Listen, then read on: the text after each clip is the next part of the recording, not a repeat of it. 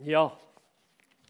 Da så er de hjertelig velkommen til denne kvelden med Kari Weiteberg. Eh, Velkommen til Kari. Til Kari. Til Kari. På Kari. Nei, til. Til Kari nå. Eh, Jeg skal si bitte litt om denne serien som det her inngår i, og som kanskje ikke alle kjenner til, men jeg vil jo også verve publikum til videre innslag i serien. Serien heter 'For hva er da et menneske?', som i seg sjøl har en referanse til, til Bibelen, faktisk. Det er Salmenes bok, det. Eh, der blir det flere ting utover våren, som dere får merke dere. Allerede i morgen kveld så kommer Frode Tuen og Bent Sofus Tranøy og snakker om harde fakta om livet, døden og kjærligheten. Det store temaet her. Eh, Så kommer Gro Nylander eh, litt lenger utpå her og skal snakke om at menneskenes hjerter forandres aldeles intet. Og så kommer Aksel Tjora og snakker om truet fellesskap i en digital verden. Og så utpå i juni så kommer Jan Grue, nominert til Nordisk råd akkurat nå, og, skal snakke med Arne Johan Vetlesen om 'Det var en gang et menneske'. Altså det er en uh, knytta til alle forestillinger i dag om å forbedre og altså Sapiens 2.0. og kanskje kommer Thomas Hylland Eriksen. Og det fortsetter til høsten, så følg med på Litteraturhusets hjemmesider, så vil de være orientert. Ja, men da er oss. Ja, jeg prøver denne stolen litt, men Ramler Ja. du ut? nei. Nei, det må du ikke gjøre. dette er litt for tilbakelent. Ja, jeg Nei, Men hva syns vi får lene ja. oss litt tilbake Ja, vi her. og- lener, vi ser. Ja. Ja, det går bra. Sånn. ja. Når vi nå skal snakke sammen, altså tittelen på det her Jeg skal jo si litt om Kari òg. Ja. Eh, Tittelen på det her er jo 'Hvem er den andre?' Og Vi skal altså snakke sammen om det, og det er jo et kjempestort tema som vi skal prøve å rulle opp, rulle opp mer og mer av. Men altså i sentrum så står jo det her kjempespørsmålet hvor langt skal vi strekke oss i å møte, forstå og hjelpe våre medmennesker? Dypest sett alt liv, eh, alle skapninger. Altså det kjempestore perspektivet. Hva betyr det å være menneske i den sammenhengen her? Takk. Eh, Kari Veiteberg. er. De kaller biskopene som liksom inviterer til fornavn, men jeg, jeg, jeg, jeg sier etter hvert Kari. altså. Kari Veiteberg er biskop i Oslo og har også vært ansett, ansatt også ansett, ja, sikkert, men altså i Kirkens Bymisjon. Har til og med arbeidet her i byen. Eh, hun har vært prest en rekke plasser i landet. Undervist i teologi og vært studierektor ved Liturgisk senter. Eh, har skrevet en rekke bøker, holdt preken og andakter i NRK og deltatt ivrig i samtaler og debatter om liv og tru. slik også i kveld. Særlig så har hun virka i miljø der vi finner de mest utsatte i samfunnet. Og det kommer nok til å prege samtalen. Eh, nå blir det på en måte litt sånn dobbelt her, da. At du er jo på den ene sida biskop Weiteberg, på den andre sida står du menneske Kari, altså. Og, og vi skal nok mest nærme oss det siste. Ja, men jeg vet ikke om jeg hadde vært her hvis ikke jeg hadde vært biskop. Weiteberg. Jeg er litt usikker, Ja, men ja eh, vel. Ja. jeg skal Sjøl- prøve. Sjøl Ja. du, altså? Ja. Nei, Du kommer jo direkte fra kirkemøtet, og du brukte uttrykket når vi møttes nede at det er også ei boble som du har vært i noen dager. og, og det, vi, vi kan nok slenge innom litt der også, iallfall tema og problemstillinga derifra. Eh, Det var f.eks. en reportasje her på P2 der en slo fast at Kirkemøtet har gått på en måte mer og mer ifra ja, å være opptatt av eller i alle fall, og gått i retning av sosialetikken, da, som det var brukt som uttrykk. Hva en gikk ifra, det var kanskje ikke så klart, men i alle fall at, at en har mer og mer nærma seg det sosialetiske. Og I så fall så dukker altså spørsmålet opp hvem er den andre? Altså Det er jo et slags litt abstrakt begrep for mange, kanskje, men i filosofien så snakkes det om den andre i, i en tradisjon etter en del bestemte og noen her i gruppa er sikkert fortrolige også, eller har vært borti Levinas og Løkstrup, og som har brukt de begrepene. Altså hvilket ansvar har vi overfor andre i en eller annen forstand. Men dessuten, og i tillegg, og som side av samme sak, så har du altså i Bibelen en rekke utsagn. Så du skal elske din neste som deg sjøl. Det spørsmålet er jo da hva innebærer det her? Og da tenkte jeg at jeg skulle starte opp med å spørre deg, eller å si, at den andre kan jo fort bli fremmed for oss, altså. I dem som er forskjellige fra oss, og som vi i en annen forstand blir opptatt av å skulle forme inn i vårt bilde. Eh, og som i motsatt fall defineres ut. Og her har jo altså Kirka en historie. Og hvor tror du jeg vil hen da? Altså, jeg vil i hvert fall til en av de store fortellingene eh, som eh, jeg ikke kan komme utenom. Og som handler om en lovkyndig som kom til Jesus og spurte hva skal jeg gjøre for å arve evig liv. Og så kommer da det vi kaller for det dobbelte kjærlighetsbudet. Du skal elske Herren din Gud av hele ditt hjerte og elske din neste som deg sjøl. Og så spør han hvem er så min neste? Og da svarer Jesus med å fortelle følgende. Det var en som falt for røvere. Og så kom det en prest forbi, og han gikk forbi. Og så kom det en levitt, og han gikk forbi. Og så kom det en samaritan. Han gikk ikke forbi, men han bøyde seg ved sida hans og stelte sårene hans. Løftet han på et esel og brakte han til et herberge. Og forlot han ikke før han hadde forsikra seg om at han hadde det godt der. Og så spør da Jesus den lovkyndige hvem av disse var det som viste seg som en neste? Og da svarer han den barmhjertige samaritan. Og det blir tolka i vår tradisjon om at det er viktig å være god mot andre. Men det som viser seg, er jo hvem var det som viste seg som min Eller hvem var det som viste seg som en neste? Jo, det var den barmhjertige samaritan. Og en samaritan var jo en fremmed. Så der er det noe trikk i som Jesus utrolig ofte bruker når folk spør og tror de skal få enkle svar. Så ble det ikke et enkelt svar. Men så har kanskje vi i vår forkynnelse gjort det litt enkelt. Men jeg vil gjerne utbrodere denne fortellinga, for den er Skjønte du òg? Ja, ja, ja. ja. ja. Jeg, jeg, jeg, har ja. til og med vært på stedet. Ja, på stedet. ja på, I Samaria? I ja, ja, ja. Nei da, men jeg tenker jo også på det, på måte det motsatte fortegnet, nemlig det at vi, også Kirka, heller ikke alltid har sett den andre. Vi har jo i denne serien her hatt altså Mari Boine mm. om det samiske. Vi har mm. hatt Elias Akselsen mm. om tateren. Og vi kunne snakke om uh, homofile, vi har mm. kvinner. Ja. altså Det er mange parter som mm. gjennom kirkas historie, eller som vår felles mm. historie, har vært støtt ut i en annen forstand, ja. eller ikke sett, eller ikke Så hva kan vi si om det? liksom? Nei, Det har du helt rett i. Og uh, Jeg husker mor mi var på kirkemøte, og da var en av sakene kirka og kvinnene. Ja. Og det syns mor mi var ganske spesielt. Og så har det, så vært saker, kirka og de homofile, kirka og samene. Så det, I fjor var det kyrkja og kunsten. Og da endte det dokumentet med at kyrkja er kunst. Kyrkja er kvinner. Og i den komiteen jeg har sittet i nå, så har vi vedtatt eh, strategi- og visjonsplan, eller strategiplan med visjon for samisk kirkeliv. Og da er det nettopp det at kyrkja er òg samer. Og hvis vi, hvis vi nettopp kutter ut de der òg-ordene, som vi ofte Jeg òg har en tendens til. Data òg. Men bare sier 'dette er vi'. Da begynner vi å tenke ganske så nytt, kanskje, og ganske så annerledes. Ja. Mm. Jeg føler at det er noe av det du spør meg om. Ja, ja, ja. ja. Uh, nei, fordi at det har jo altså det gjorde jo veldig inntrykk med Elias Akselsen. ikke sant? Ja. Det var jo rene overgrep i, på en måte, til og med i kristendommens ja. navn. altså ja. Denne iver osv. Så, videre. mm. så, så denne dobbeltheten her er, er, er, vanskelig.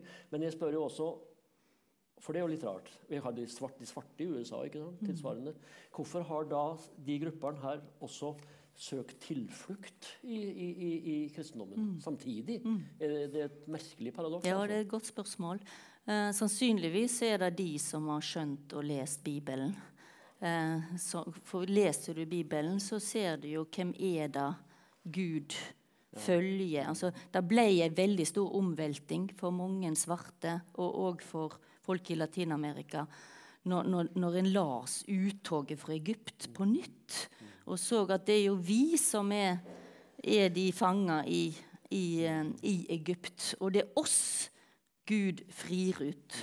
Og da tok de Bibelen i egne hender og sa at eh, dere som sitter med vakta, har faktisk misforstått.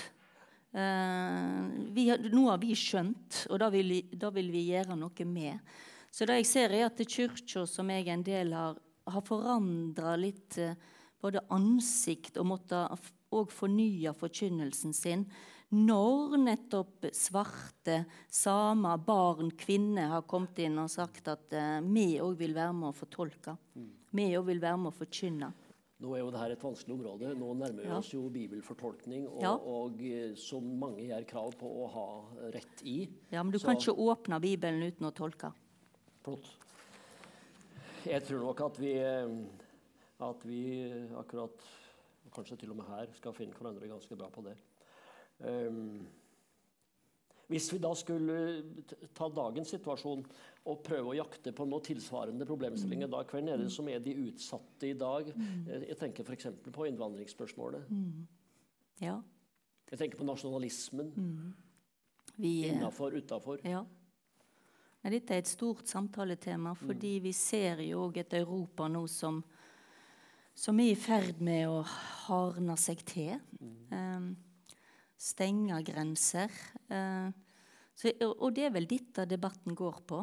Hvem er de andre? Hvem er vi-et? Og hvem er det som skal utgjøre samfunnet? Så jeg tror eh, det er mange. Eh, det siste som vi også skal snakke om, det er jo klima òg, som har begynt å si ifra. Det skal vi komme tilbake ja, til. Det skal vi komme tilbake til. Vi snakka om at jeg må eh, styre dagsordenen litt. Det skal vi komme grundig tilbake ja. til. Men uh, det, det, er helt, ja. det, er helt, i den retningen som mm. jeg vil prøve å dra det her i. Um, det som er det vanskelige her, det er jo det som er spranget fra det som i moralfilosofien heter for nærhetsetikken, og til mm. avstandsetikken. Mm. Altså det at, at, etikk på den ene siden kan handle om våre nærmeste, og på den mm. andre siden handler det om alle, alt dette store og andre. Så jeg tenkte å dra en lite resonnement her at uh, i, i, sånn, igjen da, i litt sånn filosofisk forstand så er jo den enkelte av oss er, så er vi den første, i den forstand at, at det er meg sjøl det handler om. Hvem jeg er.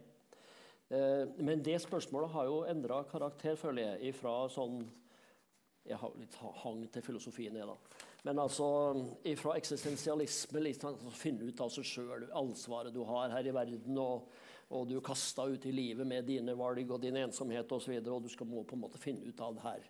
Det er det ene perspektivet. I dag så har jo det her liksom tatt av og, og, og, og over i en helt annen mm. retning. altså ja. her opptatt, det, det, det, å være opptatt mm. av hvem du sjøl er, mm. i retning av altså sjølrealisering, mm. sjølkonstruksjon, mm. sjøltilstrekkelighet, sjølopptatthet. altså. Så spørsmålet mitt er er vi i, i ferd med å bli for sjølopptatt. Jeg har lyst til å svare mm, to ting. Mm. Det første når det gjelder selvopptatthet, uh, er noe som jeg har tenkt mye på i det siste på visitas som biskoper har. Så, så får jeg gjøre et djup, djupdukk i en lokal menighet. Og da er først på dagsordenen min at jeg har lyst til å snakke med ungdommen. Uh, og jeg har snakka mye med ungdom i det siste uh, som sier at vi gjør ikke opprør lenger, og vi ser kanskje vellykka ut, men vi er ganske så stygge mot oss sjøl inni oss. Uh, så det er, mye, det er mye som foregår inni folk, eh, som kanskje på ytre side kan se ut som sjølopptatthet, men som, som handler om en indre sorg eller mangel på mening eller, eller rett og slett et press som mange føler eh, i dag. Eh, så Derfor er det veldig vanskelig synes jeg, å, å svare på om folk er sjølopptatte eller ikke. For det, det er sammensatt. Mm. Det har jo gått en liten sånn debatt etter skolestreikeren og, Ja. og ungdommens klimaaksjoner, Ja. der noen har hevda at ungdommen har nok med seg sjøl, generasjon lydig. Ja. Mens det som du er inne på, er Ja. nettopp det andre som er vist Ja. nå. Altså det Ja. at en vender seg utover Ja. og, og, og, Ja. og slett ikke er så sjølopptatt og innovervendt. Liksom sånn. Nei. Jeg velger å tro på ungdommen, og at, Ja. eh, og at der er det noe som ikke handler om sjølopptatthet, men mer om ei frykt. Mm. Uh, og den, det er skummelt. Ja. Uh, men det andre som handler om Var det avstandsetikk du sa, eller Ja, jo, sånn jo, Ja. ja. Mm, det at vi ikke bare eh, tenker på oss sjøl, Ja, og, eh, ja. og heller ikke nærhet til dere som er helt Nei, rundt nettopp, oss. nettopp. Jeg skal Men- dra det litt i den ja, retningen nå etter mm, hvert, men ja. eh, da forlater vi oss sjøl på en måte. ikke sant? Mm. I det øyeblikket da Nei, men, eh, men vi, går videre, vi. og du var jo avbilda i, eh, i Klassekampen i dag, Mm. på første benk på Kirkemøtet, der det ble vedtatt støtte Mm. til, eh, til de streikende. Ja Nei, men så har vi da Det var den første. Det var den første, altså oss sjøl. Og så har vi den andre da, liksom med betydningen de synlige, nære, dem vi kjenner, dem vi møter. Og opplever et fellesskap med. Familie, klanen, bygda, nasjonen. Da skulle en kanskje tro at det ikke er så vanskelig der, da. Når det er så nært. Men det viser seg også å være likevel. altså Vi har jo for så vidt snakka litt om det. Er det slik er det slik at det også i vårt samfunn, som vi skulle tro var vårt, vårt samfunn, er slik at det er flere som ramler ut, faller utafor enn før? La oss starte med det. Ja. Nå sitter det en del bymisjonsfolk her, ser jeg. Hva skal vi svare? Eh, så det spørs jo akkurat da hva blikk vi ser med, og hvor vi er, og hva som er å falle utafor. Eh, så det tror eh, Som sagt så tror jeg at mange kjenner på det vellykkethet og det, det kravet i dag. Eh, og at det er vanskelig å, å velge. Og det er veldig mye ensemd eh, mellom unge. Eh, men å falle utafor Ja. Det er vel en god del som kjenner at en faller utafor. Men på alle bauger kanter. Altså det å bli gammelt det er jo heller ikke helt enkelt i dag. Du ser på meg? Nei. Så spørs liksom hva, er standarder, hva standarder vi setter til oss sjøl, ja, og, og hvor rause vi er, liksom, og hva, hva vi gir rom for. Mm. Og hvem en henger med, og ja. Mm. Hva blikk er det jeg har på meg sjøl? Er jeg streng? Er jeg raus? Mange har et ganske strengt blikk på seg sjøl. Og da, og da skal det ikke så mye til før en kjenner at en feller utafor. Nei, for det har jo blitt en slags sånn saying det her i dag. ikke sant? At det er flere og flere som faller utafor, og Ja. som uh, under prestasjonspress, vellykkethetspress, krav, uh, Ja. uh, standarder som Ja. settes for oss. Altså, og, og at det er et men, men fremdeles så er vi da innafor vårt eget samfunn. Så nå skal vi dra litt, enda litt lenger. For det der er for så vidt litt sånn, uh, litt sånn kjent stoff. Men det tenkte vi nå kunne dra det i retning av er det som en mann som heter for Sigmund Baumann, en sosiolog, kaller for 'den tredje'. Og det er altså da ikke bare de konkrete og nære andre, men alle andre. Ja. Han kaller det for 'den generaliserte andre'. ja. Altså alle andre. Og da, og da er det igjen Bibelen. ikke sant? Altså, her er det ikke jøde eller greker. Nei. Trell eller fri, mann eller kvinne. Paulus. Det er jo en form for en sånn etisk universalisme. Altså, og spørsmålet er jo er det, Var det Paulus som skapte den forestillinga? Og som altså sprengt en eller annen slags ramme fra den andre og til den tredje? Det er et godt spørsmål. Altså, for å forstå Paulus så må jeg jo lese han innenfor sin tid. Og der handler det jo nettopp eh,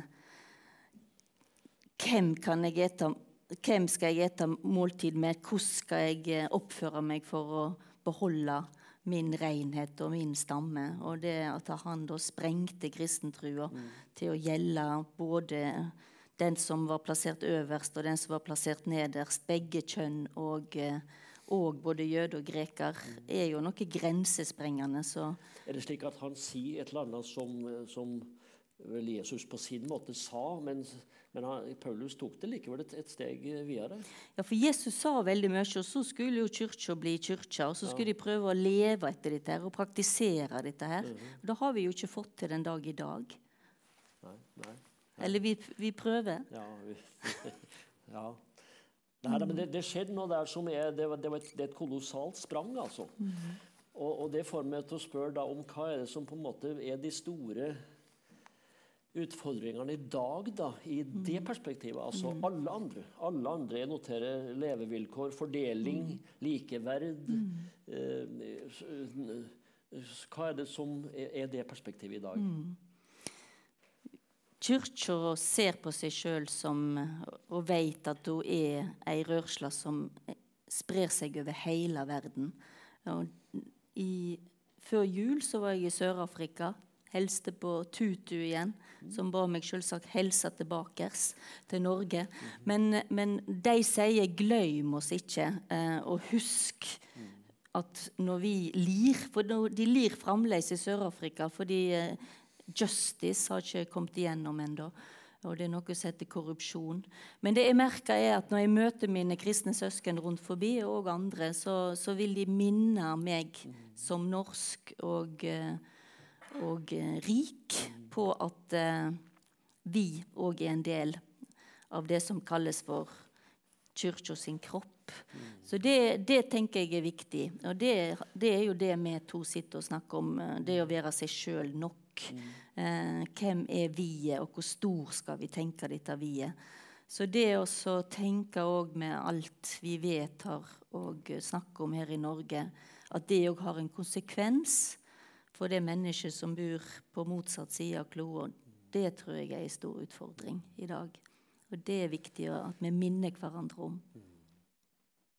Men er Kirka og vi andre Er vi på en måte bedre på, på nøden, altså den synlige andre, mm. enn vi er på, på, på, rettferdighet som et mm. stort perspektiv? Er vi mm. bedre på på nærhetsetikken enn på avstandsetikken. Mm, mm. Jeg tror vi begynner å bli gode på avstandsetikken, nettopp fordi at uh, våre venner ute i verden har minnet oss på at uh, vi lir vi, En del av konsekvensene for hvordan vi forvalter og bruker jorda vår, uh, ramler ned på oss på den andre sida av kloden. Og noe med hele tida å se Israel-Palestina-konflikten f.eks. er det snakk om snakker ikke lenger om fred, men om rettferdig fred. I klima så snakker vi òg om klimarettferdighet. Så det er vel, det er vel denne forståelsen eh, som har kommet inn når vi nå snakker om dette. her. Finn Vagle, som var biskop her før, han eh, har tenkt en god del om dette her. Om, om, eh, om, avstandsetikk. Ja. At kanskje den måten at kanskje må vi tenke at det er ikke bare meg og deg eh, som sitter her nå, men at det vi gjør nå, har en konsekvens for den som sitter der om 200 år, mm. f.eks. Ja da, mm. og det der skal vi faktisk komme tilbake ja. til. Ja. Eh, eh, gir du til tiggere? Ja, rett så det. Og, og litt fordi jeg har lært meg litt rumensk. Ja. Så da kan vi få en samtale. Så jeg er domna sjuta. Mm. Og, så, og, så, deler vi litt penger og brød. Mm. Nei, for det er jo den synlige andre. Eh, ja, altså, jeg er heldig å bli kjent med dem. Ja, og, da, og da, blir det, da, blir det, Danuta og Claudia, Josef. Mm. Eh, paven.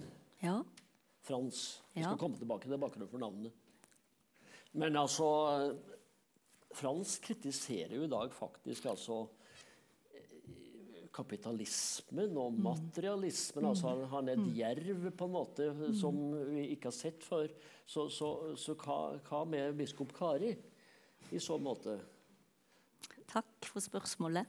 Eh, altså Pave Frans har jo skrevet 'Laudate si' fra Solsangen. Og, eh, og, det jeg har nettopp hørt, var at han, eh, Han har skrevet ei fantastisk eh, moralsk lære om hvordan vi skal ta vare på klima og skaperverket. Mm. Og så ga han det til de fremste forskerne på, i Potsdam på naturvitenskap. Og det tror jeg var ganske klokt. For ofte når vi teologer snakker, så, så tror vi at vi har all kunnskap sjøl. Så det jeg har funnet ut som biskop Kari, det er at jeg må samarbeide med alle mennesker av god vilje. Og at jeg ikke innehar all kunnskap sjøl. Det var en veldig god oppdagelse. Mm. Og det betyr f.eks. at når vi snakker om klima, og når jeg snakker om, eh, om flukt, når jeg snakker om romfolk og alle, så det å hele tida være i team, både med folk som eh, som kan språk, folk som har naturfaglig kunnskap, folk som har sosialfaglig kunnskap. Og så sitter jeg og tolker Bibel og og lager sanger og ber. Og sammen så blir vi eh, handlekraftige. I Oslo så går vi òg sammen en god del mennesker av eh, tru, ulike tru og livssyn. Klima er jo noe som, eh, som de fleste religioner og livssyn kjenner haster og vil gjerne delta i. Så jeg så jeg går eh, mer enn gjerne og har allerede gått en del interreligiøse pilegrimsvandringer for klima, hvor vi går inn i hverandres gudshus og går sammen. det har jeg tro på. En avstemning på kirkemøtet Nå skal vi nærme oss den, den, mm. den politiserende kirke. Mm. Altså det, det, har jo også vært omtalt på, på, radio og i media nå i forbindelse med kirkemøtet. Altså det, og det var en som sa noe sånt som at uh, og du kjenner jo motstanden imot politisering. Mm. Og da sier, si noe sånt som at det er spranget fra et generelt teologisk da, grunnlag, mm. eller verdigrunnlag i viss forstand, og til politiske saker og konkrete saker, er et kjempestort sprang. Og vi bør ikke gjøre det siste. Altså, vi bør ikke bør, vi, Kirka bør ikke ha noe mening om, om oljeboring i Lofoten eller vindmøller på Fosen eller samisk mm. uh, kultur eller hva det måtte være. Så. Mm. Uh, Dette er en utrolig viktig samtale. Uh, først så må vi jo tenke hva er, hva er politikk? Mm. jeg tenker politikk handler om hvordan vi skal fordele godene våre. Mm. Hvordan skal vi forvalte det vi har? Og da er det veldig vanskelig at uh, vi ikke driver politikk.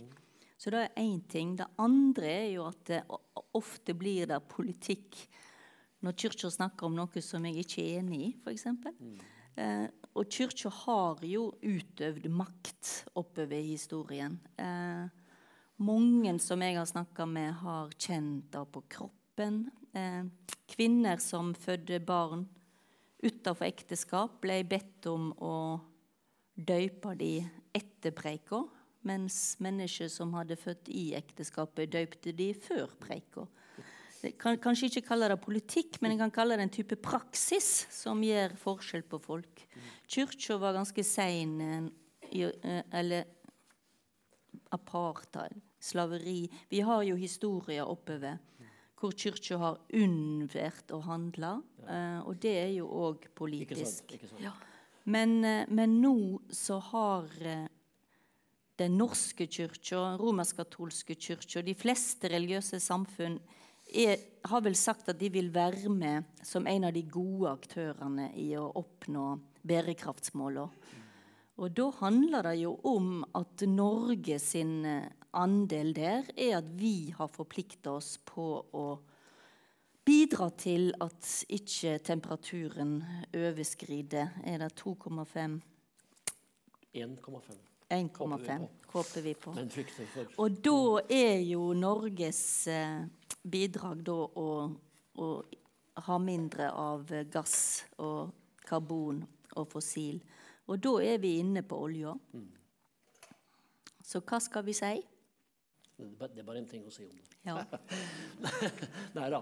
Men eh, da skal vi nemlig ta det, tre, et nytt kjempesprang. Ja. For du har jo på en måte trukket litt i den retningen hele tida. Nemlig Hva med de, den andre, i betydningen de andre i naturen? Altså naturen. Mm. Mm. Og det er, har jeg begynt å kalle for den fjerde. Mm. Og som da i, på samme måte som Paulus var et stort sprang, så er det her et enda større sprang. Det det. Altså det å, og, og dermed så, så nærmer vi også begrepet antroposentrismen, altså forestillingen om at mennesket står i sentrum for alt. Det, og det eneste som betyr noe, er mennesket. Den eneste som har historie, er mennesket, osv. Eh, men her er det også mange som har svin på skogen. altså Det er ikke bare kirka.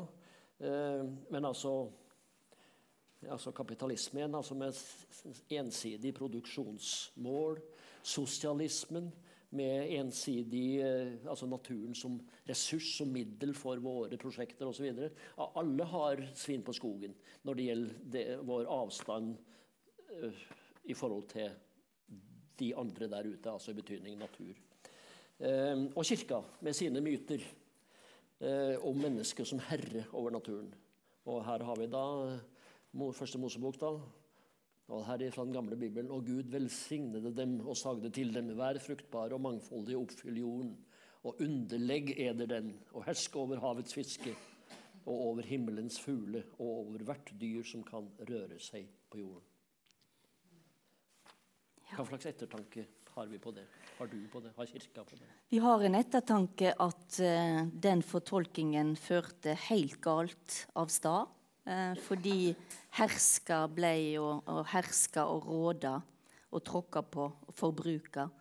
Mens uh, økoteologien, klimateologer eller bibellesere leser det i dag, så, så, så tolker de det som Så leser de 'forvalta' inn, der du sa å legge under. At det handler om å forvalte og dyrke. Og hvis vi har da blikket inn, og det vil nok de fleste ha i dag, eh, så ser vi òg at eh, i Bibelen, helt ifra side 1 og til den siste sida, så er, er, Bibelen vår faktisk grønn. Det er en stor kjelde og en stor inspirasjon og en stor drivkraft i det at vi er satt til å forvalte og at mennesket da er en del av skaperverket, og at jorda sukker. Utrolig mye bibelske bilder av eh, hvordan jorda ja, både sukker og har revne og roper og skriker, som faktisk samsvarer litt med hvordan vi har det, opplever det nå. Og så har vi jubelåret i Bibelen. Har du hørt om det? Ikke nei, nei, det, nei, det er min visjon, og, og visjonen til veldig mange av oss. Som, det store jubelåret eh, det er viktige, En av de viktigste talene for meg er når Jesus i Lukas 4 eh, går fram i synagogen og reiser seg slår opp en rull og så sier at eh, i dag er dette profetordet oppfylt mens dere hører på. Og da leser han jo at eh, jeg er kommet for å sette undertrykte fri. For at fanger skal få frihet, blinde skal få syn igjen. Og kunngjøre et nådeår for Herren. Det er jubelåret. Og det er det 50. året. Eh, da skal jorda rett og slett fordeles på nytt. Ikke det fantastisk? Mm. Sette strek på alt, og så, og så fordeler vi det eh, mellom oss på nytt. Det er min visjon, og den er utrolig bibelsk forankra. Og den, den, var det Jesus proklamerte. Så du skjønner jeg har veldig mye å gjøre ja, som biskop. Ja, du har det travelt. Jeg bruker å si at uh, Nei, det skal jeg ikke si. Men, uh, men, du har det travelt. Og ja. det har Ja, nær sagt Gud har det travelt også. Ja. ja har det travelt. Men uh, det er også fristende da, å plukke litt uh, selektivt fra Bibelen, er det ikke det? Altså det som på en måte er det vakreste og det beste, og mm. så ikke så det som Jeg syns nok det var en relativt velvillig fortolkning av, av første Mosebok også. Altså Nå har ikke jeg den hebraiske teksten framfor meg, men det som er utrolig med å studere hebraisk, det er jo at jorda er Adama, og mennesket er Adam. Da ser du hvor jordbundet mennesket er med jorda. Gud skapte Adama, og fra Adama så kom Adam, Adam, ah, menneske. Og da ser du, og så skapte han Ish og Isha, kvinnemann. Så, det, så bare hvis vi går tilbake Det er derfor vi lærer språk. Det er derfor alle teologer lærer hebraisk. Nettopp for å se hvor jordbundet det er. Så er, den oversettelsen er ikke god mot grunnteksten. Nei, det er mye som ligger, ja. ligger der. Så, Men du, før vi da går over enda et uh, skritt videre her, så tenkte jeg skulle spørre deg her Altså, teknologi i dag er jo et, et, sterke saker.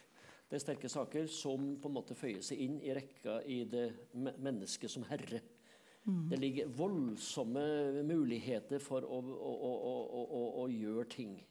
Uh, utnytte natur, utrydde arter, mm. gripe inn i mm. livet på alle vis, liksom. Uh, ser, har du noe mer Hva slags forhold skal vi ha til det der? Jeg tenker på påvirkning, inngrep, utnytting, mm. tukling med naturen. igjen. mm. det ligger masse mm. det, det, det, er så voldsomt at jeg tror ikke vi skal snakke lenge om det, men, men ser du, ser du problemstillinga? Ja, jeg ser ja. problemstillingen. Og jeg ser litt òg Uh, hvorfor? Altså, det handler jo om at uh, Det handler jo om over- og underordning, om makt og misbruk av makt. Mm.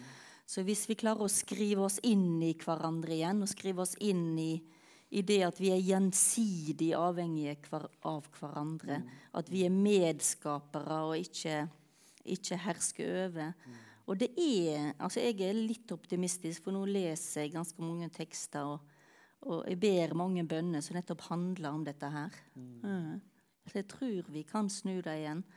Men Greta Thunberg har minnet oss om at eh, det må gjøres nå. Greta Thunberg hva sa først ja til å komme i den serien her. Ja. Men uh, hun fikk det for travelt. Kanskje kommer hun igjen i høst. Mm. Linn White. Mm. Lynn White.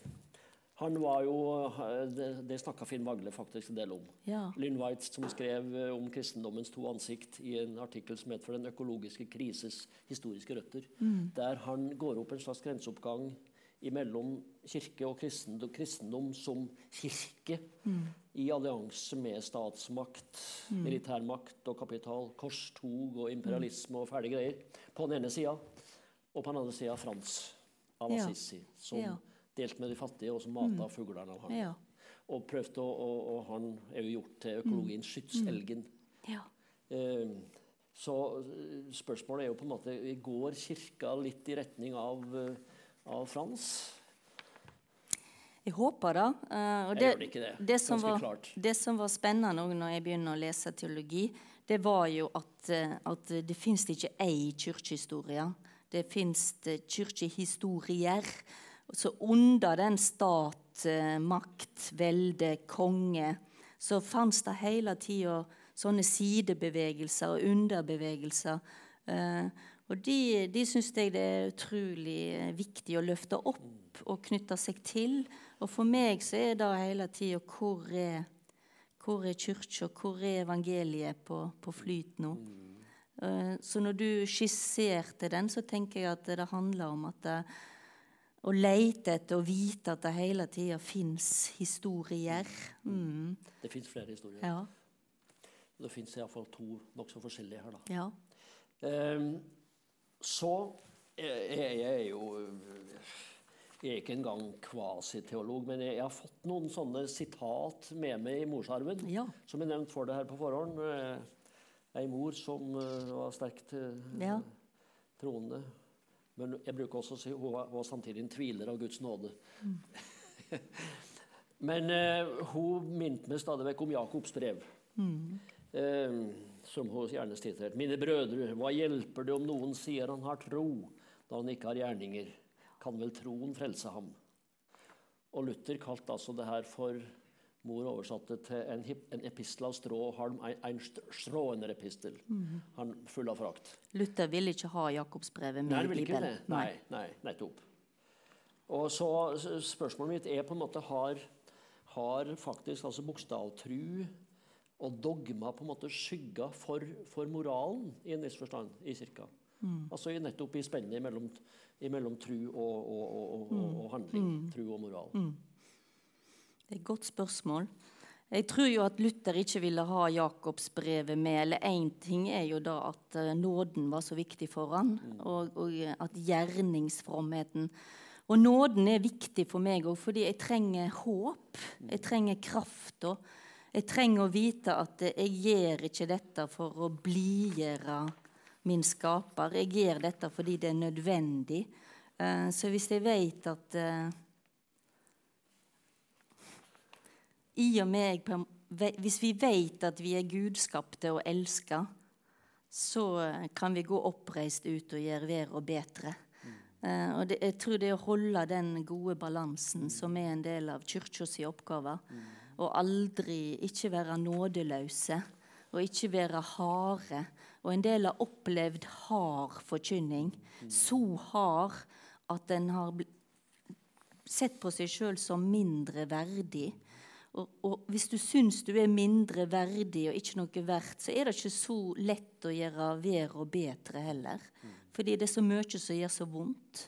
Så det, det er der å holde den balansen. Men jeg tror at eh, både og eh, eh, Og for meg så, og for oss som sitter her, så, så er det Så er vi nå her i verden. Og jeg har en sambygding som heter um, Bjørlykke, som skrev mye sånne små Oscarstein. Vi skulle ikke sitte på gjerdet og dingle med beina og vente på himmelriket. Det er ikke mening i det. Det er mest vi baler med det det er, at vi kan vente på det riket. Det syns jeg er godt sagt. Veldig, veldig, ja. veldig flott. Nei, for det, det, det er noe der. Det, du har jo også altså, Korinterbrevet. Men nå blir de stående, de tre. Tro, håp, kjærlighet. Og størst blant dem er kjærligheten. Mm. Og da er på en måte neste, eller siste spørsmål innenfor det avsnittet her, da. Har frelsesiveren slått ut kjærligheten? Eller kan den gjøre det? Kan den Ja. gjøre det? Mm. Kan den gjøre det? Som teolog og veldig glad i språk, så syns jeg ordet 'frelse' også er så fint. det da. Fordi det er sånn norrønt. Ja, og det er norrønt. For De visste ikke helt hva, de skulle bruke, og så brukte de dette 'fjalsa', som betyr å ta vekk eh, slavereima her. Og, og så får du fri hals, og da er du frelst. Så jeg tenker når du har fri hals og, og er frelst, så, så kan du gjøre mye godt. Men hva var spørsmålet ditt? Nei, Ja. Nei det, det var egentlig den Ja. samme motsetningen. Ja, Altså, kan ja. du bli så fortapt på en måte i Ja. Det er jo den konflikten mellom eh, tru, som helt åpenbart er, er, er, er mer sentralt, eh, kanskje til og med innenfor eh, kristne miljø, Mm. enn en på en måte det her etiske perspektivet. Du sier, og selvsagt må det være sånn at det her Det skjønner til og med Mm. at det, det bør ses i sammenheng. Men, Ja. men jeg ser likevel på det som en sånn historisk liten sånn konflikt i det. da. Mm. Ja, ja, ferdig med det. Ferdig med det. Så skal vi snakke litt om begrepet humanisme, for serien heter jo 'Hva er da et menneske?' Ja. Og eh, humanisme er jo sånn sett for mange et, et sekulært begrep. Og vi snakka så vidt om det her på forhånd at når Human-Etisk Forbund ble stifta i 1956, så var det sterke krefter som ville at det skulle hete for Humanistisk Forbund. Eh, det var det sterke krefter som gikk imot. Og eh, der er det faktisk sånn at en i slekta mi var med på det. Men iallfall så, så kom det til å hete for Human-Etisk Forbund. I dag ser vi derimot at, eh, at en del slike eh, seremonier da, i- innenfor humanetisk miljø eh, nå omtales konsekvent som humanistisk. Og dermed så blir det spørsmål hvem er det som har, er, det noen som har eneretten på begrepet humanisme?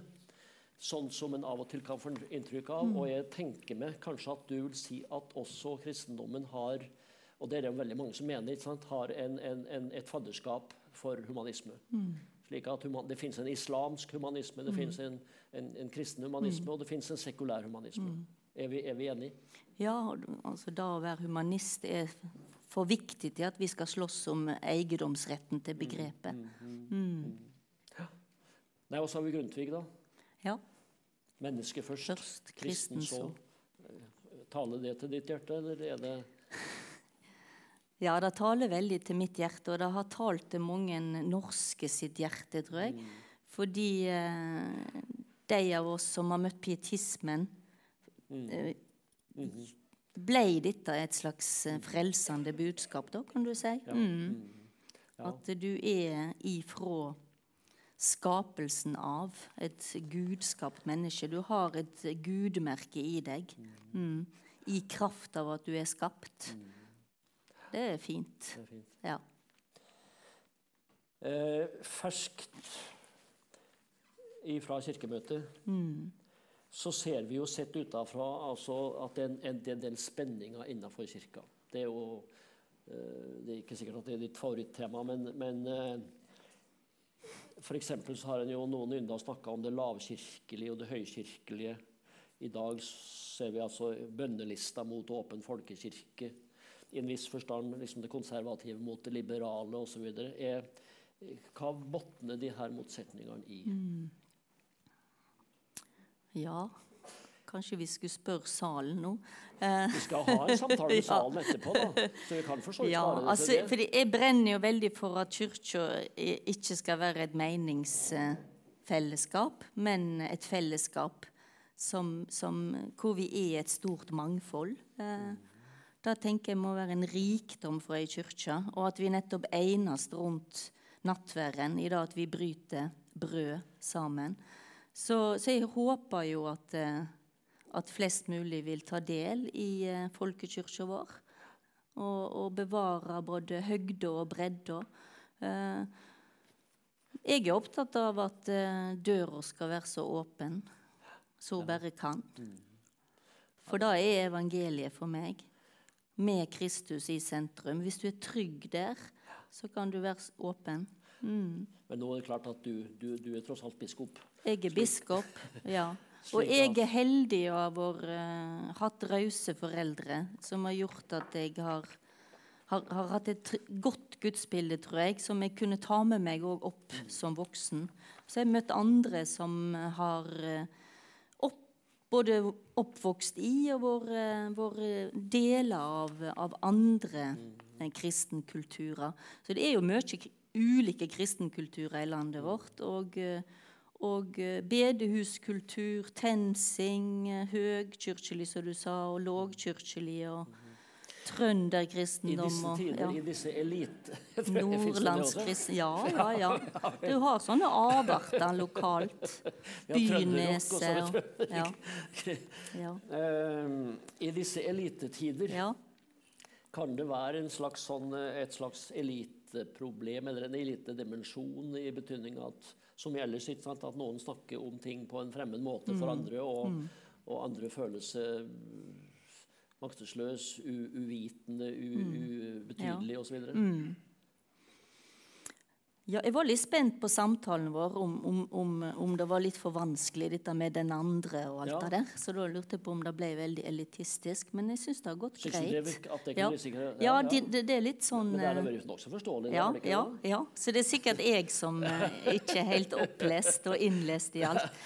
Men altså, jeg har jo merka òg etter, etter som du innleder med at jeg har vært heldig å få jobbe i Bymisjonen så mange år, at jeg, at jeg egentlig aldri helt kan ta for gitt Altså, folk kan ha de underligste kunnskapene om de ulikeste tingene. Ja.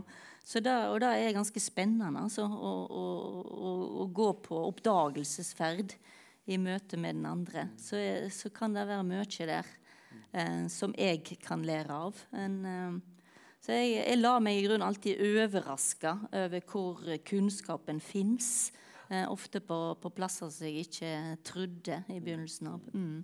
Og det har ikke alltid noe med skolegang å gjøre heller. Det, folk kan ha de underligste hobbyene. Når jeg sier underlig, så tenker jeg altså kanskje noe veldig spissfindig. Mm. Så da med elitisme ja. Mor snakka om de, de stille i landet. Ja. Det var ja. dem som var nok med, det, nok med seg sjøl, det var en slags uh... Da er jo det der stillest vann har djupest grunn. Ja, så det, det er noe der òg. Skal vi Vi nærmer oss slutten. Eh, litt om ondskapens problem, da. Fin slutt. Altså det tradisjonelle spørsmålet hvordan kan en god gud tillate så mye vondt? Nå, akkurat når du sa det, så så jeg på utgang på det grønne skiltet der. Der Ja, ja, Din inngang og din utgang. ja, Ondskapens problem. Ja, altså det er jo eh, Når jeg eh, studerte teologi, så var nok Inge Lønning en av mine favorittforelesere. Fordi han foreleste over Bonhoeffer, eh, som var en teolog eh, som ble eh, tatt i fengsel eh, av Hitler-regimet under nazismen der. Eh, han ble til slutt henrettet 9.4.1945. Og han eh, spør da hvor er Gud, og kan Gud finnes det? Noe av det samme som Elie Wiesel òg har gitt oss. Eh, når det er så mye vondt i verden. Men da oppdaga at Gud er òg en medlidende Gud. Det har òg vært viktig for mitt gudsbilde. Eh, at jeg tror og får næring av en Gud òg som går inn i lidelsen mm, og lir med. Og det, det tenker jeg at eh, det er det jeg er til for òg som teolog og prest og, og et truende menneske. Det er jo hvor er du, Gud? Bare det, det å rope 'Hvor er du, Gud?' er jo et utgangspunkt for tru, egentlig. Eh, men òg å, å finne, finne, Gud i, i lidinga.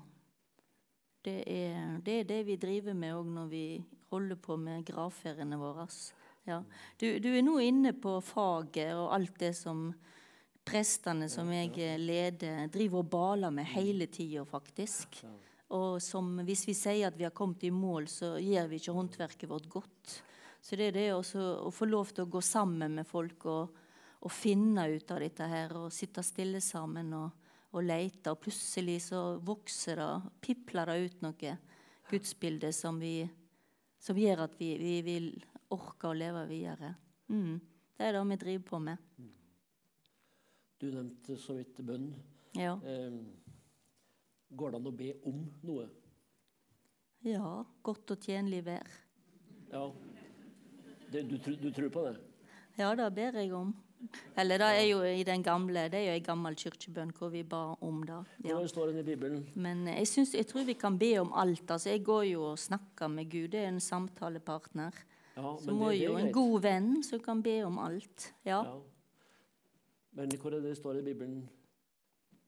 Og som igjen mor brukte å sitte ikke som jeg vil, men som du vil. Ja, Det er Jesus som sier når han lir i Getsemane. Ja. sant? Gud, la denne skåla gå fra meg. Men, ja. ja. Ikke som jeg vil, bare som du vil. Men vi har det òg i den bønnen Jesus lærte oss. Eh, Fader vår, som vi kaller han for. Eh, skje din vilje. Ja, mm. ja, ja nettopp. Det der er nok vanskelig for mange. Er det det? Ja, det vil jeg tro. Ja. Altså å be om noe i betydning at ja. du kan altså uh, bestille. Ja, det er bestilling, ja. Ja, nei, en kan jo ikke bestille, men en kan Dun sa, vi får mm. ta med litt sånn folkelig trøndersk mm. Eh, han sa jau, jeg, jeg, tror nå på Vår Herre, ja. men jeg knegår nok just. en slags sånn uh, følelse av at uh, mm. Nei, det der syns jeg er vanskelig. Mm. Mm. Har, har, noen her sett ordet Kai Munch? Mm.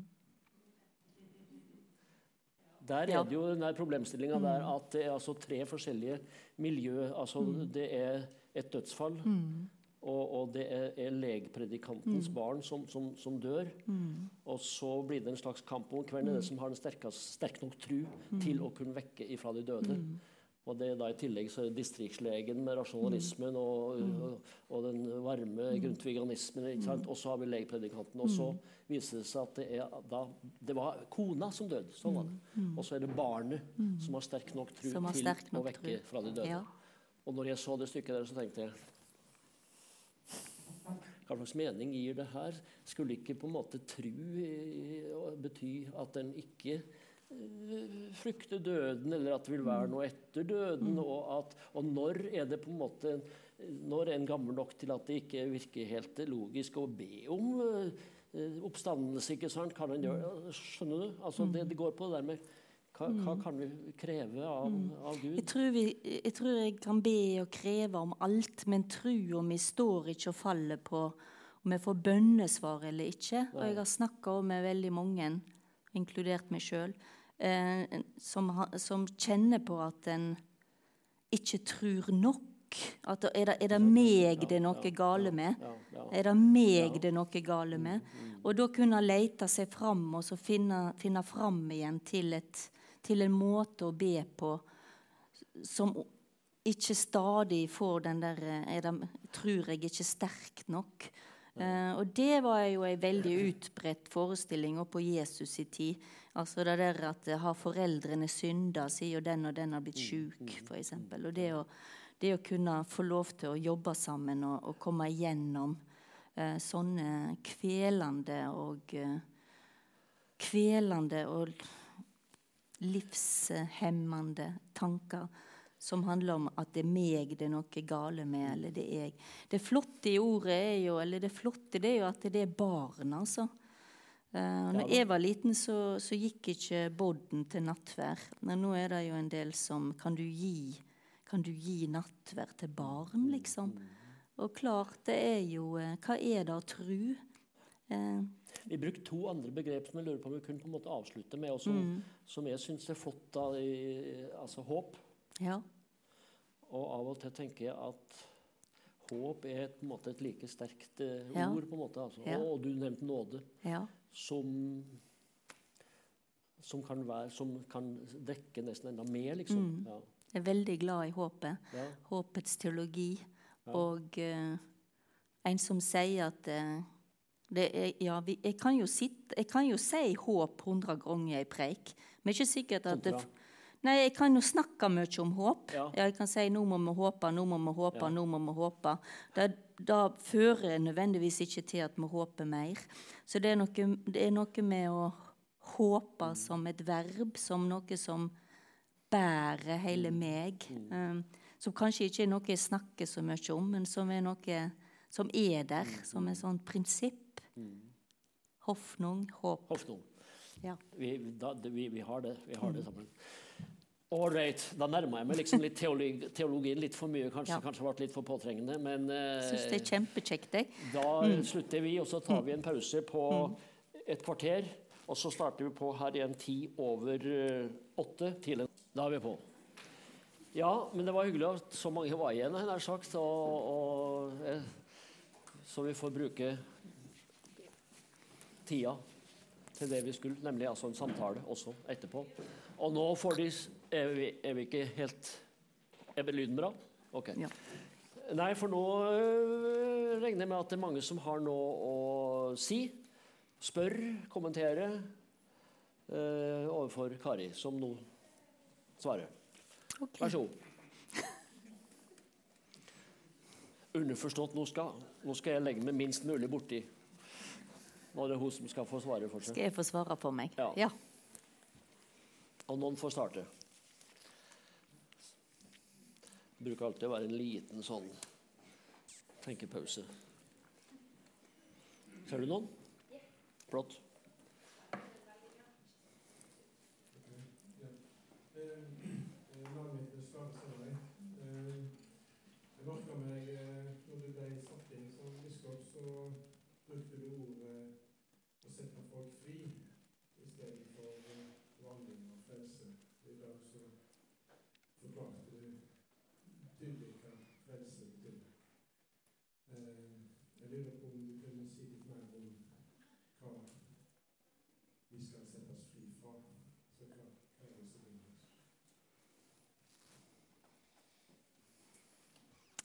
Takk for spørsmålet. Eh, det er mange som har stilt det spørsmålet du stiller, og så Og òg veldig ofte fordi at når vi har forkynt i gudstjenestene våre og i salmene vi synger, så, så har vi ofte snevra det inn. Eh, så jeg tenker som teolog Nå har jeg lest mye en teolog som heter Vingren som var opptatt av nettopp at eh, dette kan ikke jeg besvare deg med ett ord. For jeg veit ikke hva som holder deg fast, og hva som binder. Og kanskje er det ikke noe som er bare eksistensielt heller. Kanskje er det òg noe i måten vi lever på, altså det og, og som òg er strukturer. Jeg liker ikke ordet strukturer, så hvis noen har et bedre ord, så bare men, men at, at, det kan òg av og til være noe strukturelt om hvordan samfunnet er vevd sammen på, som låser oss.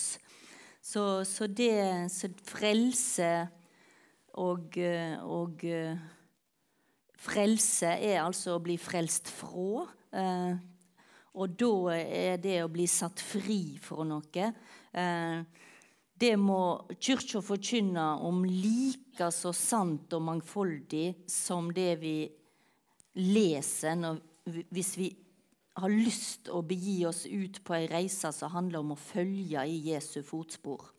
Og Da har vi jo fire evangelier, og det eldste er Markus. Og, eh, men òg Lukasevangeliet er ganske spennende, for der er det så tydelig at Jesus går. Eh, Jesus starter på ei lang reise, og når Jesus går, så møter han ulike mennesker som er bonde av noe på ulikt vis. Så for meg, og ikke bare for meg, jeg tror for alle som leser evangeliet, så er i grunnen evangeliet fortellinga om folk av alle slag som blir frelst, satt fri. Så da kunne jeg altså begynt nå å fortelt, og bare begynt å lese. Fra Lukasevangeliet, f.eks., så, så er det folk som er bundet av noe eh, av, noe, av ei sykdom. Eh, det kan være òg noen som aldri har opplevd å bli tatt på. Eh, fordi hvis en tok på vedkommende, så tenkte en at en kunne bli smitta. Eh, det er jo òg han eh, blinde som da tigger, som sitter ved veien, som eh, ber om å bli sett, få syn igjen. Han blir jo frelst, og da satt fri, oppreist. Ja, var det en, et greit svar? En mangfoldig svar? Og så, så går jeg òg inn med mitt liv og eh, med mitt samfunn og ser, når jeg, når jeg nå skal forkynne, hva er det vi trenger å bli satt fri fra? Hva er det som lammer oss her i denne bydelen, i denne bygda? Eh, hva er det i mitt nettverk som eh, hemmer, demmer opp for at evangeliet ikke flyter fritt? Det er, det er utrolig eh, å, å, få lov til å være med og peke på sånne plasser og punkt. Og, eh, så ja, takk for spørsmålet. Ja Der har vi en.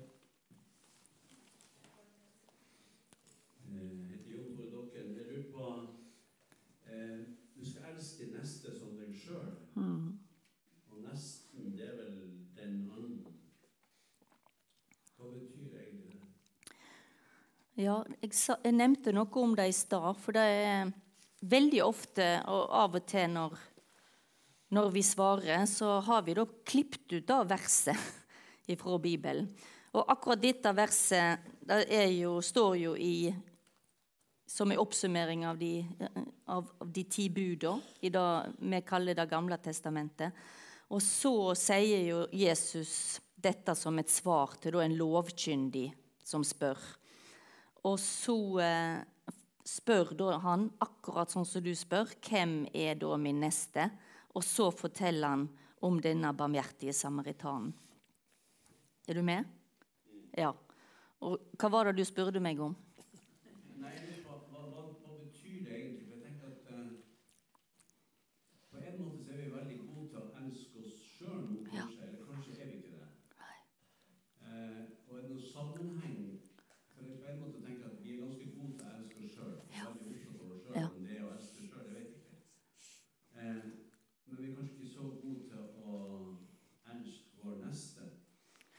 Ja, det er en veldig stor sammenheng. Og så, det som er så tricky òg, er at eh, Klarer vi å se at vår neste er den som elsker oss? og at den som elsker oss, er da kanskje en barmhjertig, en samaritan? Eh, det tenker mange av oss ganske mye på, fordi i Norge så har vi ofte tenkt at vi skal dra ut og være gode mot alle andre. Men for å gå i dybden på dette, så må vi jo gå i dybden på det som Jesus fortalte i den fortellingen. At av og til så kommer det òg noen inn mot meg fra et helt uventa hold. Og jeg, er jeg klar til å se på mine medmennesker på den måten at, at jeg òg er en som får, ved å elske min Altså ved å ha et sånt syn på mine medmennesker, så, så vil òg mine medmennesker gi meg noe tilbake. Mm. Nå følte jeg at jeg krongla meg veldig inn i noe. Skal vi fortsette? Um, er vi på sporet på noe? Ja. Ja. Ja. Ja. ja. Det er nemlig ganske så komplisert. Mm. Ja. For vi jobber som Vi har jo sittet sammen i, i bymisjonssammenhenger. Og da, da er det jo noe hele tida vi må jobbe med. Der. Hva er det som driver oss? Eh, hva er det som driver meg i, i mitt arbeid? Og da, da, har jeg fått såpass mye Det var i den tida folk røykte òg inne i disse kafeene jeg jobba. Fått såpass mye sigarettskåler slengt i ansiktet av folk som ikke orka min vennlighet og min respekt. Altså det er noe med å Så jeg, så jeg har bare eh, lært, tror jeg, av erfaring at, eh, at hvis ikke den andre kjenner seg ivaretatt og sett som en neste, som et medmenneske, så, så, så har jeg ingenting der å gjøre. Når vi jobber med frivillige òg, så, så, så, vil vi jo gjerne komme for å gjøre noe godt mot eh, nesten vår, eller mot en stakkar, eller mot en annen. Men av og til så sier, har den stakkaren òg sagt til meg at 'jeg orker ikke din godhet'. Så nå er vi inne på noe her, og litt av det med, med Løgstrup, faktisk. Og det, det, er blitt en veldig viktig eh, erfaring i mitt liv. Eh, og som jeg genuint tror òg kristen tro handler om. Det du vil andre skal gjøre mot deg, skal du gjøre mot deg. Eh, og det med neste, det kan, det kan være like så utforutsigbart. Og, og, jeg må være rede for å bli like så overraska over den jeg møter, som jeg vil overraske den andre. Eh, og da kan det bli ganske så interessant å leve, men ikke nødvendigvis lettere, men, eh, men kanskje sannere. Ja da. Det er ikke alt som er like enkelt å svare på, men vi kan jo snakke om det. Snakke om ja. det. Så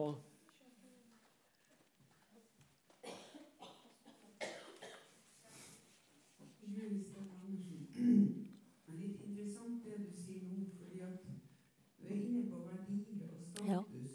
og rolle. Mm. Og det er aldri godt å være den som vil hjelpe. Nei, ikke sant? Uh, uh, og vi vil gjerne bli hjulpet av dem som har høyere status ja. oss. Ja. Det, det, gjør godt, men noen ganger kommer hjelpa til dem som har lavere status. Ja. Mm. Og det, er litt, eh, ja. det gjør noe med oss. Ja. Og, og synet på andres ja. ja. Jeg er veldig enig med deg. og jeg, jeg jobber med det, men jeg, jeg, følte av og til var jeg litt streng når jeg hadde sånne taler mot, til de frivillige. At dere må ikke komme her og komme her. Og Det var noe lett for meg å si. Så jeg tror, dette tror jeg vi alle er underveis på. Eh, men eh, det vist seg ofte i bymisjonssammenheng at alle vil være frivillige på julekveld, men ingen vil være gjester. Så hvorfor kan vi ikke bare være frivillige alle sammen? Og det, der ligger det noe. For uh, skal ikke frata noen behovet for å være noe for den andre. Jeg tror jeg tror det ligger så djupt inni ethvert menneske at vi vil være noe for andre. Eh, så da er vi frivillige sammen i denne verden. Nei, men det, det Vi rodde i land et eller annet der nå. Ja. ja.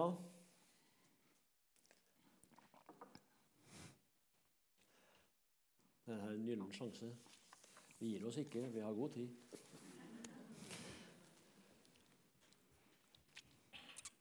Ja.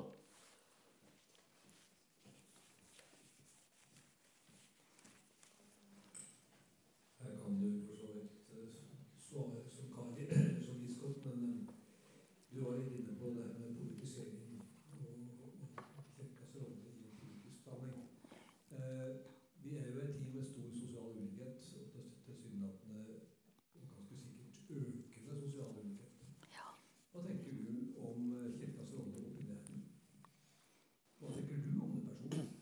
Ja. Nei, jeg var jo her i Trondheim i forfjor og hadde en foredragsserie om mammon. Eh, og da er jo fordi viser seg at eh, Jeg tror jeg sa noe der at Bibelen snakker Eller Jesus eller Kim seks ganger eller fem ganger om sex og 2000 om mammon eller noe sånt. Men i alle fall eh, Eh, akkurat når det gjelder da med rikdom, så, så, så, har vi hatt en tendens til å gjøre da nålauget så stort at kamelen kommer igjennom. Eh, så det, det, er veldig utfordrende, eh, fordi eh, jeg ser at eh, evangeliene som, som, eh, som på en måte gir meg en retning for livet, snakker veldig mye om rikdom. Og jeg syns det var problematisk når regjeringen nå eh, ikke har problematisert rikdommen vår. Eh, men hva skal vi gjøre? Um, vi biskoper Nei, jeg skulle snakke som Karia, ikke som biskop. For ellers tenker jeg at, at her kan vi liksom være profeter. da, Profetisk teologi. Heve oss over det politiske. Uh, jeg vil gjerne med at vi skal finne løsninger på dette sammen. Eh, og være konkrete. Um, og jeg tenker at eh, det, det, er for mange som tjener for mye i landet vårt. Og ikke bare i landet vårt, men i hele verden. Oxfam, en engelsk organisasjon, har funnet ut at seks menn eier Nå må dere hjelpe meg. Det er, det er veldig graverende at hvordan eiendommen i hele verden vår sitter i hendene på et fåtall eh, eiere. Eh, og Så skal ikke jeg si prosent og statistikk, for da kan jeg bli sitert på det. Vi er visst på podkast. Men gå hjem og google sånn Oxfam og få den, akkurat den eh, det regnestykket der. For det er, det er veldig voldsomt uh, å høre at, uh, at uh, størstedelen av, av eiendom i verden blir eid av et stort eller et lite mindretall. Og nå fikk jeg så fryktelig lyst til å finne det sitatet, så vi får møtes neste uke. Så skal jeg uh, uh, men jeg tenker dette er vel det, en av de, det store alvoret i vår tid. Eh, og det som eh, Kirka nok har tatt lettest på. Og vi, vi strever òg veldig med å få media til å bli interessert i dette. Media er veldig interessert av en eller annen grunn i, i det som tidligere het skandaler. Eh, og da har det ikke vært så mye på pengesida eller hvordan vi forvalter rikdom. Eh, så hvis vi klarer å få til en god samtale på dette, eh, så, så, så vil jeg gjerne bidra til det. Takk. Til det med politisering, så I dag ble det gjort et vedtak. Det vil si det ble ikke gjort det på kirkemøtet. Det var foreslått først at en skulle eh, til høstens valg prioritere valget sitt avhengig av altså klima på topp. Det ble forandra til noe av det viktigste. eller noe sånt. Og det, En kunne tenke seg det samme med fordeling eller ulikhet. ikke sant? Men mm. da er vi inne nettopp på politisering. Men altså at Kirka på en måte virkelig sa i klartekst mm. at det er like viktig som mm. altså i tilfellet av klima. Mm. Ja vel. Jeg klarte ikke å dy meg likevel. Ja.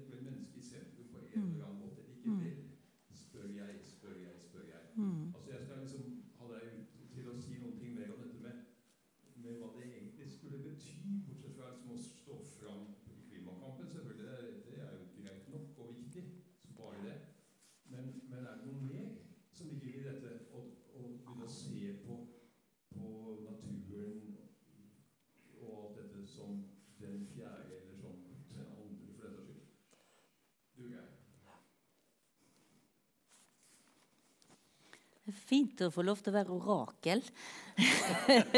ja. Jeg liker, jeg liker, så godt å lure sammen, eh, Jon Smith. Eh, fordi eh, jeg syns det, det, å snakke om klima nå, eh, når vi, når vi har fått beskjed fra samstemt vitenskapelig hold at hvis ikke vi gjør noe, så, så vil, vil, det gå gale. Eh, og da, klarer ikke jeg å se det annerledes enn at eh, når, når, jeg fortolker ansvaret mitt som menneske, så er, dette et, så er dette det største ansvaret vi som mennesker har. Og her er vi, her er det da vi som mennesker kan stå fram som den som faktisk kan gjøre noe. Så da er forskjellen at vi kan gjøre noe som mennesker. Og gir da, da oss en særegen status i forhold til eh, natur og alt det skapte? Ja. Ja, det var akkurat det. Ja. Det var akkurat det. Og jeg, sant, på en måte tenker jeg at det med klimakampen, som jeg står er veldig, veldig synes jeg er forferdelig viktig, er allikevel noe med at det fortsetter på en eller annen måte likevel en gammel, inngrodd tankegang om at det er vi som er herrene, og som nå så må vi bare begynne å reparere på alt dette her som er gjort gærent. Men jeg, jeg aner meg, jeg kan ikke nok om dette, det er derfor jeg sitter det ligger noe mer i denne måten å tenke på at eh, dyr, planter og alt dette er på, på en måte likeverdige, eller at vi skal møte dem på en annen måte, tenke annerledes om det. Altså Det er ikke bare klimakampen. Det er noe som går dypere enn det. Mm. Aner det meg. Mm. Men jeg skulle gjerne vite Få litt hjelp til å tenke mer rundt det. Mm. mm. Og kanskje aller helst, hvis du kunne, så kunne du kanskje hjelpe til å vise at, at muligens Bibelen har noe om Det har sider ved det som, som får fram en sånn, sånn mm.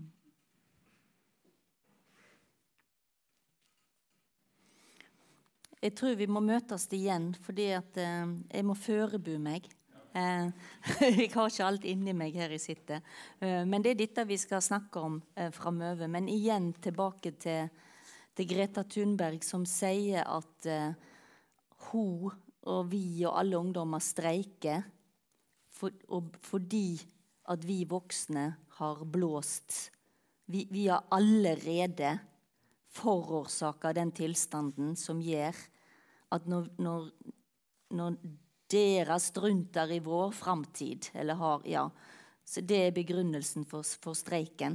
Så, så, premisset for den måten vi snakker om dette nå, gjør, det springer ut av at vi har skakkjørt noe.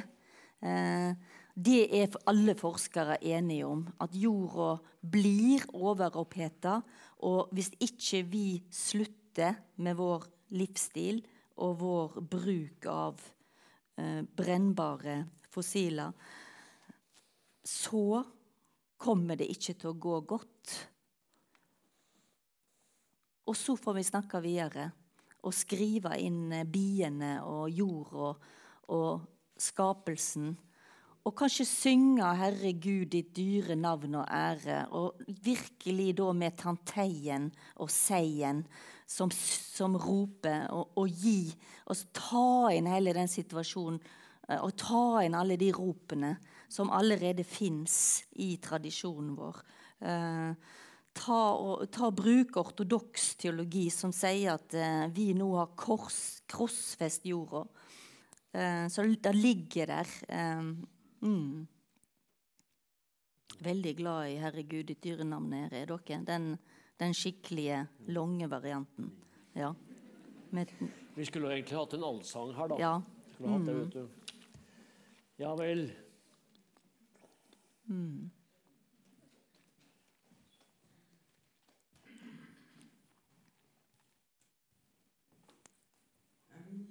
litt tilbake til rikdommen. Um, det er viktig, det er viktig de andre som snakker om um, For jeg tror at vi er veldig rike i dette landet, men vi er, ganske mange av oss er ganske ensomme. Um, jeg vet ikke at du skal ha svar på det. Men, og jeg har ikke lest noe i Bibelen, men, men det er en setning som stadig kommer tilbake til meg. Det var en av disiplene som hadde en menighet.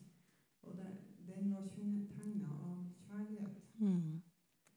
Eh, og jeg ønsker meg en kirke som er eh, på folkemunne er kjennetegna av kjærlighet. Mm.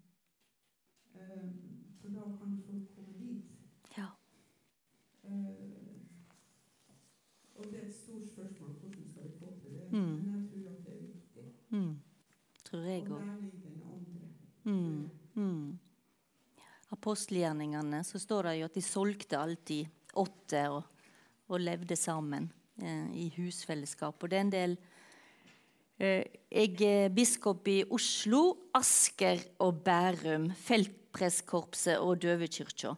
Eh, I Oslo så eh, har vi en utfordring nå eh, fordi antall medlemmer av kirka i en del områder er under 50 og, og vi er spente òg om må vi redusere, må vi stenge. Og da er det utrolig spennende, viktig, krevende og nettopp framsnakke Kyrkja òg som et fellesskap, sånn som du, du eh, framstiller her. Eh, jeg snakket om det en del på kirkemøtet. Vi trenger dobbelt så mye folk vi nå i Oslo, fordi vi vil åpne kirkene våre. Vi vil ikke stenge. Og vi trenger kirka som fellesskap. Fordi det er såpass mange som bor alene i byen, der jeg er biskop, og da er det her også. Det er såpass mange som kjenner seg ensomme. Men du setter ikke et skilt på døra og sier 'velkommen, alle ensomme'. Da kommer ingen. Men vi tilbereder måltid, vi lager fellesmiddager sammen. Og, og vi, har, vi er der for lokalsamfunnet. Og da ikke bare søndag klokka 11, men nettopp som en, som en plass å stikke innom. I Romsås, det å bare være ansvarlig voksen i nabolaget. Vi får så gode tilbakemeldinger på det, og det er så viktig. Så jeg brenner og vil, vil jobbe fram ei sånn kirke. Og da, da handler det nettopp òg om å utvide og, og, og nære og jobbe litt med det med, det med fellesskap. Um, I fjor eller i forfjor så ble det jo ansatt en minister i England. Ensomhetsminister. Det er jo ganske tankevekkende. Uh, så, så, en del av oss i, i, i kirkelige sammenhenger òg sier at, at, at, det må være det må være å, å tenke kreativt på hvordan en, en, en innbyr og er sammen. Eh, som ikke forsterker ensomhetsfølelsen, men som nettopp sier at 'her kan jeg være'. Da, da vil jeg gjerne være med deg og jobbe fram videre. Takk. Mm -hmm. En ensomhetsminister, det høres nesten ut Ensomhetsprest. som en som arbeider for ensomheten. Ja. Ja. Ja, det var en sånn ensomhetsminister i Storbritannia. Jeg vet ikke, Har de klart å få bukt med det? Nei? Ja. Ja? Jeg Ja.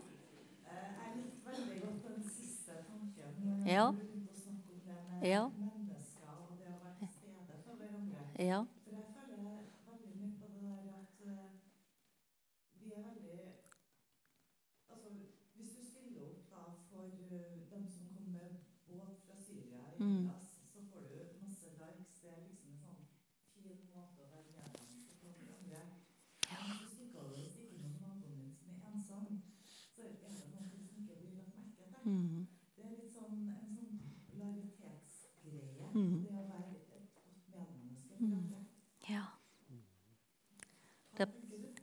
Nei, jeg, jeg, jeg kjenner òg at du peker på noe viktig der. Eh, og der har du jo litt den baksida til disse sosiale mediene òg. Altså, hva er det som driver oss? Eh, vi, har, vi har jo snakket om ulike typer etikk her, men altså sånn pliktetikk og ja.